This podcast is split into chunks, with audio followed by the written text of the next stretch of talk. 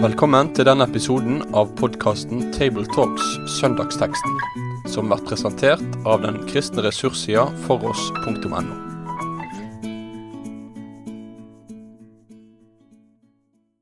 Da er det en glede å ønske velkommen til en ny episode av Tabletalks fra gruppen i Bergen. Rundt bordet her sitter eh, Rolf Kjøde, som er leder for strategisk utvikling ved NLA-høgskolen. Jon Magne Sønstadbø, som er prest i Norges eldste frikirketrossamfunn, DELK. Og meg sjøl, Tarjei Gilje, som er redaktør i avisen Dagen. Vi skal snakke om teksten for andre søndag i fastetiden. Lukas 13, 22-30. Rolf leser. Medan han var på vei til Jerusalem, drog han omkring fra by til by og fra landsby til landsby og underviste. Da var det en som spurte, Herre, er det få som blir frelste? Han sa til dem, Kjemp for å komme inn gjennom den trange døra. Mange, sier jeg dykk, skal freiste å komme inn, men ikke greie det. Når Herren i huset først har reist seg og stengt døra, og det står utenfor og banker på og sier, Herre, lat opp for oss, da skal han svare, Jeg veit ikke hva det er ifra. Da kjem de til å seie, Vi har ete og drukket i lag med deg, og du underviste på gatene våre. Men han skal svare, Eg veit ikke hva det er ifrå. Gå bort fra meg, alle det som gjør urett. Og de skal gråte og skjære tenner når de får se Abraham og Isak og Jakob og alle profetene i Guds rike, medan de sjølve er kasta utenfor. Fra øst og vest og fra nord og sør skal mennesket komme og sitte til bords i Guds rike.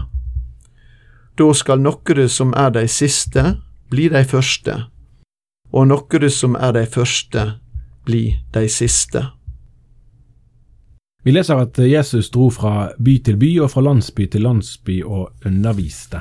Hvis vi skal prøve å sette oss inn i det som skjer her, hvilke bilder vil vi bruke eh, for å forstå det som folk i disse landsbyene og byene opplevde? Er det en, en omreisende revolusjonær, en, en emissær, en oppvigler, en vekkelsesevangelist? Ja, altså, jeg, jeg tror det er to uh, Det er to roller Jesus kanskje blir forstått i i samtida si. Uh, den ene er ganske åpenbar. Han sørger for at det blir en disippelflokk rundt seg, og da opererer han som en rabbi. Uh, som en omreisende rabbi, ikke en som er plassert i Jerusalem eller bare holder seg ved én synagoge. Men en omreisende rabbi det trengte ikke være uten paralleller for så vidt i tidene før og etter og da Jesus levde. Så at han, han, er, en, han er en skriftlærd på mange måter, da. Altså en som, som danner disipler og, og lærer dem opp uh, i Skriftene og i det hellige livet.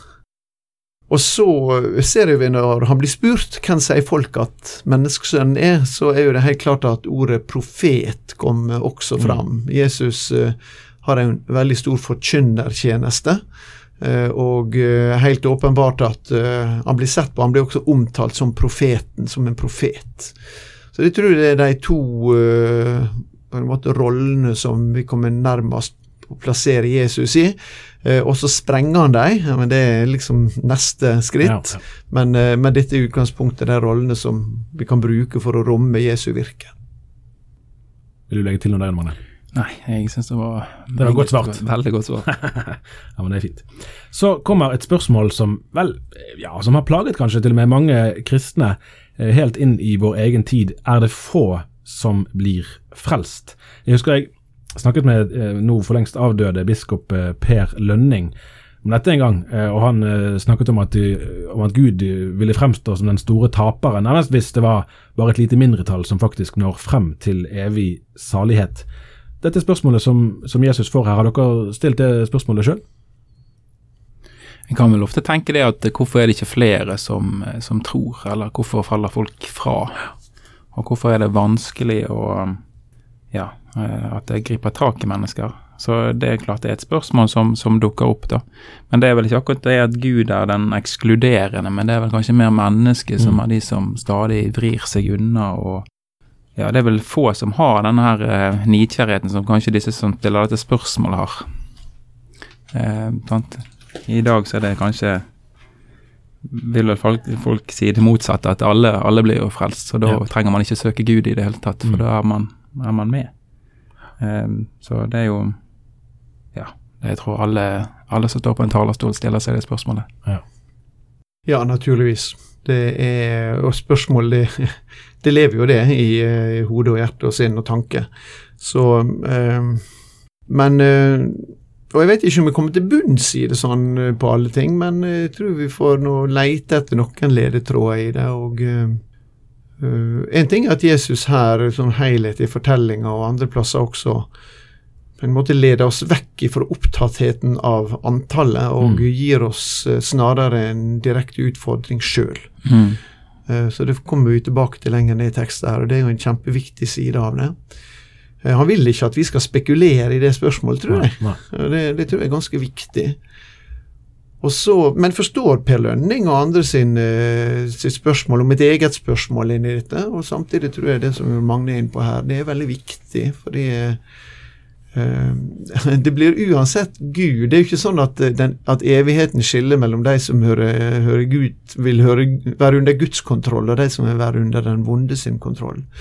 Men, eh, men i dommen så skiller jo Gud ut den ene fra den andre grupperinga, og begge er under Guds herredømme.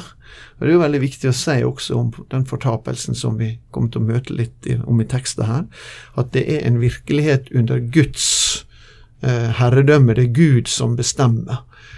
Eh, og så er det et tredje moment som jeg syns C.S. Lewis eh, i den store skilsmissen får fram, og det er jo noe med dette her at eh, det er mange som avviser han, og det er jo de han primært taler til, det er de som aktivt avviser han. Det er mange som avviser han, ville neppe kjenne seg vel i hans nærhet. Mm.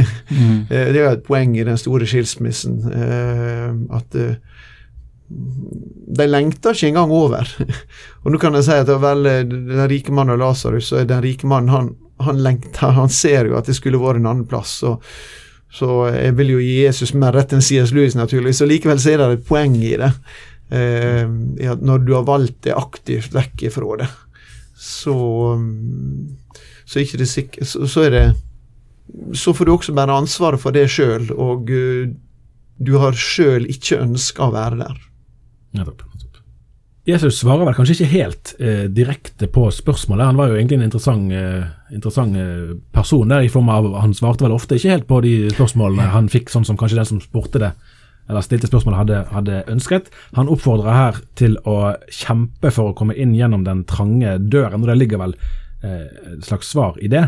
Eh, Så bruker han et bilde av en husherre som etter å ha hørt at det banker på døren, svarer 'jeg vet ikke hvor dere er fra'. Eh, Hvorfor er det akkurat deres eh, opprinnelse han er opptatt av, og ikke f.eks. deres bestemmelsessted, disse som banket på døren? Ja, Kanskje han vil si noe om at uh, Har jeg sett dere før? Altså, så da er du, du er jo i fart, så han, han relaterer jo det til forsvaret der også, at det var jo en relasjon mellom oss. Mm. Ja, ja, Den var kanskje overfladisk, det skal vi vel komme tilbake til, men, men de henviser til en relasjon som var, og han sier at neimen, det var ingen relasjon. Kanskje det, Jeg vil tro at det er noe sånt som ligger sier jeg vet Mm. ikke hvor dere er ifra. Jeg vet ikke hvor dere hadde tilhørighet, men dere hørte ikke til rundt meg. Jeg tenker dette med husfolkene, at eh, du slipper ikke inn uh, ukjente mennesker på kveldstid i ditt Mm. eget hjem. Mm. At det, at det handler om dette her med at de er ikke en del av dette, dette Gudsriket her på, på jorden nå, da. Og Mm. dermed så er det heller ikke en del av det i, i det fremtidige riket ved, ved dommens dag. Mm. Mm. At det, at det er knyttet til, ja, til dette. Eh, sant, altså hvor, hvor, hvor kommer dere fra, liksom, som nå liksom vil inn her på denne festen? Det er jo Ja, ja. Og så svarer de som dere på, kanskje litt overraskende, at vi har jo spist og drukket sammen med deg, og du har undervist på gatene våre. Så som du sa, Rolf, de, de tenker sjøl at det er en tydeligvis da, at det er en, en relasjon her. De oppfatter i hvert fall å ha, et visst kjennskap til Jesus. Ja, Hvordan kan vi vite at ikke vi sjøl blir rammet av en lignende respons fra husherren? Ja. Nei, altså, jeg tenker Altså, det er jo liksom hvem, Hvilken Jesus er det de har vært i kontakt med, tenker jeg. Ehm, det er jo det som er spørsmålet i denne teksten her. Altså, eh, de har de har tilbedt noe som egentlig ikke er den, den Kristus som de har sett. Sant? Altså, de har levd i et de har levd i et, eh, i et selvbedrag som kanskje Jesus trekker frem senere, dette her med forholdet deres til Abraham og Isak og Jakob og profetene, at det er noe der de ikke har, har kjent. Um, og ja, altså måltidet Det kan jo trekkes frem mot nattverdsmåltidet, at de har deltatt i det uten at de egentlig har visst hvorfor de har gjort det, eller hva, hva plass det har. Um, så at det, at det, er noe med dette, da. Men jeg tenker det at det selvbedraget som, som, kommer frem her, det er det som vi kjenner igjen i hvilken Jesus er det som forkynnes. Eh, for det er mange typer Kristuser som blir forkynt, eller som blir fremmet. Eh, og da kan du tro at du følger Kristus, men så følger du et bilde i ditt eget hode. Ja. Ja, for det er jo, Hvis vi prøver å trekke teksten litt inn i, i vår egen tid, sant? så er det jo mange i dag, og det var det vel òg den gangen, sant? som, som, avviste Jesus, som rett og slett uh, ikke ønsker å ha noe med han å gjøre. I hvert fall ikke ønsker å ha han som herre i livet sitt. og Det er jo én sak. Men så er det jo her da mennesker som tenker sjøl at de har en forbindelse, men som likevel, da, når det kommer til stykket, en forbindelse som ikke blir anerkjent. Uh, dette er jo en ganske utfordrende Det må jo være en ganske utfordrende tekst inn i norsk kristenhet, f.eks. Eh, med vår, eh, altså Vi snakker gjerne om vår historiske tilknytning sånn, i et mm. kristent land og alt dette. Dette er jo en eh, altså, Det er ikke bare folkekirken som rammes her, men, men ikke minst den sammenhengen. Men altså, ingen av oss går vel helt, helt, fri fra risikoen for å ha en sånn ytre tilslutning, men som ikke, som ikke blir anerkjent som reell. da. Ja, det vil jeg vil slutte meg til. Det er absolutt en utfordring for oss for å dra den inn, inn til oss. Og så tenker jeg også at det er hvis du tenker på bakgrunnen her, da, så var det noe flere det det står om som inviterte Jesus hjem til. Det er ganske mm. uforpliktende, det som står her. Ja. ja vi, vi, åt og drakk sammen med det, og du har undervist på gatene våre. Det mm. sier ikke noe om relasjonen til det som Jesus gjorde egentlig. Og Det fortelles jo iallfall om en av disse her i Lukasevangeliet, Simon, øh, og det er denne synderinna som kom inn i Simons hus, og, han, øh, og Jesus øh, som tilsier henne livet og trua og frelsa. Og, eh, og anklager på mange måter Simon. Ja, vel, han inviterte han til måltids, eh, men han involverte ikke seg med Jesus, egentlig. Mm. Og det går an å være midt i en tradisjon der vi på en måte vi kan være i berøring med de rette ytre tinga. Men hvis ikke vi i vårt trusliv og i våre fellesskap involverer oss med evangeliet og involverer oss med Jesus sjøl, så går det tapt. Og det er alvoret i teksten her. Ja. De har iallfall en, en, en, en tro på at uh, Kristus er knyttet til dette med frelse, for det er jo derfor Jesus svarer på den måten her. Sant? Altså Det er et frelsesspørsmål som kommer inn. sant? Altså Er det få som blir frelst? Altså Hvor plasserer de seg sjøl? Er de i flertallet, eller er de i mindretallet? Sant? Og da svarer Jesus at, uh, at døren, den er, er, trang, og du skal kjempe for å komme igjennom den. Um? Og Jesus er, er døren som mm. han kaller seg sjøl mange steder. Altså, så det er, det er, her at det er noe med, med forholdet til han som er det, det en skal kjempe imot. sant? Altså, da det, men da er ikke den her eh, gjerningsbaserte kjempingen som kanskje vi tenker, men at, at vi må kjempe imot det som det som stenger oss ute fra, fra, fra, fra Kristus, altså, altså ja, bruker lov og evangeliet selvfølgelig vil du trekke frem. Ja. altså, altså dette her med, med synet på eh, synet på hvem, hvem, han egentlig er som, som Messias. Så ja, nei, jeg, jeg, tror, ja, jeg tenker ofte på dette med, med Jesus, at han, han, får en veldig svak rolle i mange sammenhenger. Og ofte i våre egne liv så får han det. Han blir kanskje en terapeut, eller han blir en kosebamse, mm. eller han blir en, et forbilde, eller noe sånne ting. Og da er han ikke det han skal være, sant, som er Messias, som er profeten, sant? som er kongen, og som er ypperstepresten for, for oss. Jeg husker Det gjorde inntrykk på meg, eh, det var vel i 90-årene, at, eh, Sigvard Dagsland ga ut den her 'Det er makt i de foldede hender', salmeplaten. Og Der synger han jo eh, 'Ingen vinner frem til den evige ro som seg ei veldig fremtrenger'. Mm. Sjelen den må utstå en kamp for den tro hvorav vår salighet henger. Dette er jo en, en tilnærming som egentlig er ganske lite fremme, gjennom min opplevelse i hvert fall, i i nyere forkynnelse. Og for så vidt ligger jo det ligger jo en spenning her i teksten nettopp i det kampmotivet. da, At uh, ting går ikke etter seg sjøl her. Eh, vi kan jo lene oss tilbake og tenke at alt er i orden med oss, og så, uh, og så risikere å falle fra. Ja, helt klart. Jeg tror ikke jeg at alle gamle salmer nødvendigvis trenger å være helt rett. Det er en annen sak.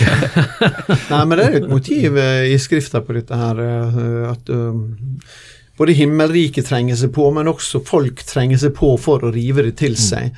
Eh, og også når vi da kommer over i brevlitteraturen, der det det tales til de kristne om at vi skal arbeide på vår frelse med frykt og beven, Mm, ja, som det sto da i, i en gammel oversettelse. Um, det er et balansepunkt her der på en måte den gamle haugianismen eh, ble for tung, eh, og det ble for lite av den frie nåden. For Vi må på en måte midt i bildet med den trange døra her. Det er nesten sånn, men Hun er så trang, denne døra, at vi nærmer oss nåløyet. nåløyet. Eh, og da er jo disiplene sitt desperate spørsmål hvem kan da bli frelst? Mm. Og da, da Jesus sier til slutt at ja, men for mennesket er det jo umulig, men for Gud er alt mulig. Ja. Og, og, og den døra må vi åpne. altså Åpne og åpne opp døra for at Gud, eh, for Gud er alt mulig. Det, det må vi iallfall gjøre i forkynnelsen og tilretteleggelsen av dette. Eh, samtidig som vi skal kalle mennesket til å ta kampen mot synda, som jo er fastetida. Fastetida sitt tema. Altså, Kampen mot synda, mot døden, mot uh, djevelen, mot alle vonde makter. eh, og ta den på alvor. Ja, Rent sånn sjelesorg så er det veldig viktig at en iallfall er klar på det når en skal preke over sånne tekster. For de som er i anfektelse, hvis noen vet hva det ordet betyr i vårt land, så er jo det De vil jo alltid plassere seg på utsiden. Eh, sant? Og de tilhører de, de, de, de fattige, de, de arme, de svake, de små, de som Jesus ikke støtter på utsiden. Eh, så som forkynner der, så skal, må en må en male den eh, trange dør for de slik at de bare trekkes inn. Så blir eh, motivet i teksten ytterligere utvidet når Jesus viser til eh, Abraham og Isak og Jakob og alle profetene, og snakker om dem som blir kastet utenfor, som gråter og skjærer tenner. Det er sterk bildebruk, det her. Hvor eh, konkret skal vi forstå det? Ja, den er veldig sterk, og det er jo, det er jo, det er jo her det dype alvoret i teksten ligger. Der er et skille, rett og slett. Eh, og det er et evig skille. Det er klin umulig å lese eh, Det nye testamentet, og lese det Jesus sa, ikke minst, uten å sitte igjen med en eh, overbevisning om at Jesus tenkte at det kom til å være en dom, den kom til å skille, og folk kom til å gå inn til den evige frelse, og det vil være mennesker som vil gå til den evige dom. Det er ingen tvil om at Bibelen underviser det. Og Paulus er jo faktisk, han underviser jo det samme, men han er mye forsiktigere. Det er Jesus som virkelig trykker på her, og har autoritet til det. Jeg syns det er greit at det er Jesus som trykker Ja, ja. på her, for da vet vi at det ligger en autoritet bak det. Når det kommer til selve bruken, billedbruken, må jo kalle det det her, altså gråte og skjære tenner er vel uttrykk for sorg og sinne. Altså det å skjære tennene er sannsynligvis eh, eh, et sinne mot han som gjorde at jeg er her. Slik at disse to begrepene her, gråt og skjære tennene, er uttrykk for at det er en sorg og det er et sinne, men det, er, det kan ikke snus. Og det ligger et veldig, veldig alvor i. Så vi som forkynner Guds ord, må sørge for at vi bærer med oss denne smerten over det alvoret. Det som jeg òg syns er litt fint, der, da, som kanskje er en sånn detalj som er lett å hoppe over, er jo det at det navngis tre røvere her. Sant? Abraham, Isak og Jakob. Og Jakob han er jo en mann som ikke kjemper for å komme inn i Guds rike. Det er jo tvert imot Gud som kjemper for å få han inn i Guds rike. Og, det, det, og det viser liksom det, det er liksom ikke den her eh, fromhetstanken som ligger i råden her, men det er den som Gud rører ved hofteskålen og gjør hjelpeløs, den, som, den trekker han til seg. Og det er ja, det er et fantastisk motiv i disse Det sant. ja, tekstene. Det slår, Ja, meg, det slår meg ikke så sjelden egentlig at vi får, og Det er sikkert ikke noe nytt fenomen, det, men at vi eh, Altså, Bibelens karakterer, disse, for eksempel disse tre her, er jo virkelig mennesker med eh, personlighet og med både lyse og mørke sider, for å si det forsiktig. Eh, mens jeg får en sånn fornemmelse av at vi i vår, i vår forkynnelse nesten forventer at vi skal være mer åndelig modne enn disse, da. Jeg husker han eh, Mikkel Vigilius eh, siterte en sånn, eh, sånn en gang, han sa det at eh, en sånn barnesang som sier Ruth hun var så god og sann, og Daniel var en modig mann. Så sier han og der sluttet den sangen. For det var ikke flere vers å ta, liksom. Det var ikke flere eksempler. Og det er liksom et godt tegn på Ja, det er egentlig oppmuntrende. Ja, det er det. Eh, Husherren her snakker òg om eh, han snakket om de som, hvor de som, eh, de som banket på, hvor de kom fra. Eh, Og Rent geografisk får vi høre at det skal komme folk fra både øst og vest, og nord og sør, og sitte til bords i Guds rike. Er geografien her et, et bilde på noe med referanse til, til det spørsmålet vi snakket om tidligere? Det spiller jo på, de spiller jo på motiv allerede fra Det gamle testamentet. Ja. Eh, om at eh, det skal komme en, særlig i Jesaja 49, men også andre plasser hos Jesaja. Eh, det skal komme en som skal være et lys for folkeslagene, og der er veldige sånne frelsestekster både i Jesaja 65 og 66 som handler om både nyskapinga og dette at folkeslagene skal komme dragende mot Jerusalem, da, som er det store bildet. Og Særlig hele Jesaja-boka er full av dette, men, uh, men det er også mye annet i Det gamle testamentet som peker fram mot en frelsestid som uh, skal sprenge Israels grenser. Det skal inkludere Israel, naturligvis. Der er alltid et jøde først, men det skal sprenge Israels grenser. uh, fordi at det skal oppfylles det som ble sagt til Abraham. at i de ett skal alle folkeslag på jorda velsignes. Så en gammel misjonsleder som meg, jeg leter, trenger ikke leite heller. Jeg mener at eh, litt med den gamle teologen Martin Kehler at uh, misiologien er eller ja, misiologien er teologiens mor. Eh, og Derfor så finner vi alltid misjon. Det er ikke så rart at vi finner misjon rundt omkring i tekstene. Men her ligger jo et sterkt misjonsperspektiv. da. Mm. Eh, så når vi begynner teksten her med 'er det få som blir frelst', så skal vi legge merke til at teksten begynner med et kjempestort universelt eh, slutter med et eh, kjempestort universelt ja. utblikk. Mm. eh, og som sier noe om hva som er Guds frelsesvilje, i alle fall i vår verden. Ja. Ja, for hvis vi går til, til eh, avslutningen av teksten, så leser vi at da skal noen som er de siste, bli de første, og noen som er de første, bli de siste. Det er vel ikke så oppsiktsvekkende å tenke at, eh, at dette kan ha nettopp et sånt universelt perspektiv med sammenheng med, med hedningenes innlemmelse i gudsfolket. Men er det òg andre betydninger vi ser her? Ja Hva tenker du sjøl? Jeg tenker vel mest i hvert fall på, Ja. på den eh, Det er jo det, kanskje det mest radikale bruddet med, med det som var for en del, i hvert fall eh, den tradisjonelle tenkningen.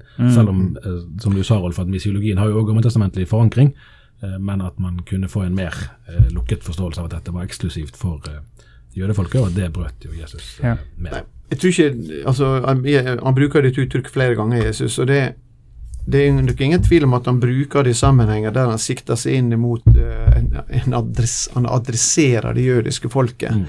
Eh, og her er vi, jeg vet ikke om du la- merke til innledninga her, mens han var på vei til Jerusalem. Og Det er også et litt sånn rart uttrykk, men som var, eller ikke rart, men det kommer liksom midt inn i kapittelet, og lenge til vi er i Mm. påskefortellinga, så å si. Eh, og så er det møte med Herodes i teksten etterpå her, som også har å spille på noe med dette med det jødiske. Og så slutten av dette kapittelet, Jerusalem, Jerusalem, du som slår i hjel profetene. Så her er en sånn fortellingsbolk her i Lukasevangeliet som har dette med Jerusalem i sikte. Så, og det også er det mest sannsynlig at det er dette med at uh, det er ikke alle jøder som skal bli de siste, eller alle hedninger som blir det første, men noen, og den, den Mm. uttrykksmåten er også er veldig sånn nyansert og fint, da, noen av de som er de siste, altså av hedningene, skal bli de første, og noen av de som er de første, altså jødene, skal bli de siste. Uh, men, men frelsa er tiltenkt for alle, eh, både jøder og, hedninger. Men naturligvis, vi trenger ikke forbeholde dette jøde-hedningespørsmålet. Vi kan ta det inn, inn til oss og spørre ja, på hva måte kunne det, dette gjelde oss. Er det noen som på en måte har tror en har skaffa seg friplass og fribillett på en måte, også apropos det vi snakket om tidligere, og ikke tar sin etterfølgelse og sin tru og sin helliggjørelse på alvor. Og så rammer det da tilbake, eller adresseres det da tilbake også til oss. Og er det en ting som slår oss med Jesu fortellinger om eh, dommen, eh, så er jo det at der ligger alltid et overraskelsesmoment over hva som er på andre sida. En overraskelse over hvem som er på andre sida. Um, og det er også en sånn en del av svaret på det første, spørs, første spørsmålet er det mange som blir frelst. At det er Guds sak, og det kan hende du kommer til å bli overraska.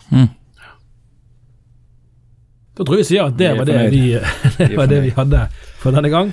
Takk for at du hørte på. Vi høres igjen. Med det sier vi takk for følget for denne gang. Finn flere ressurser, og vær gjerne med å støtte oss på foross.no.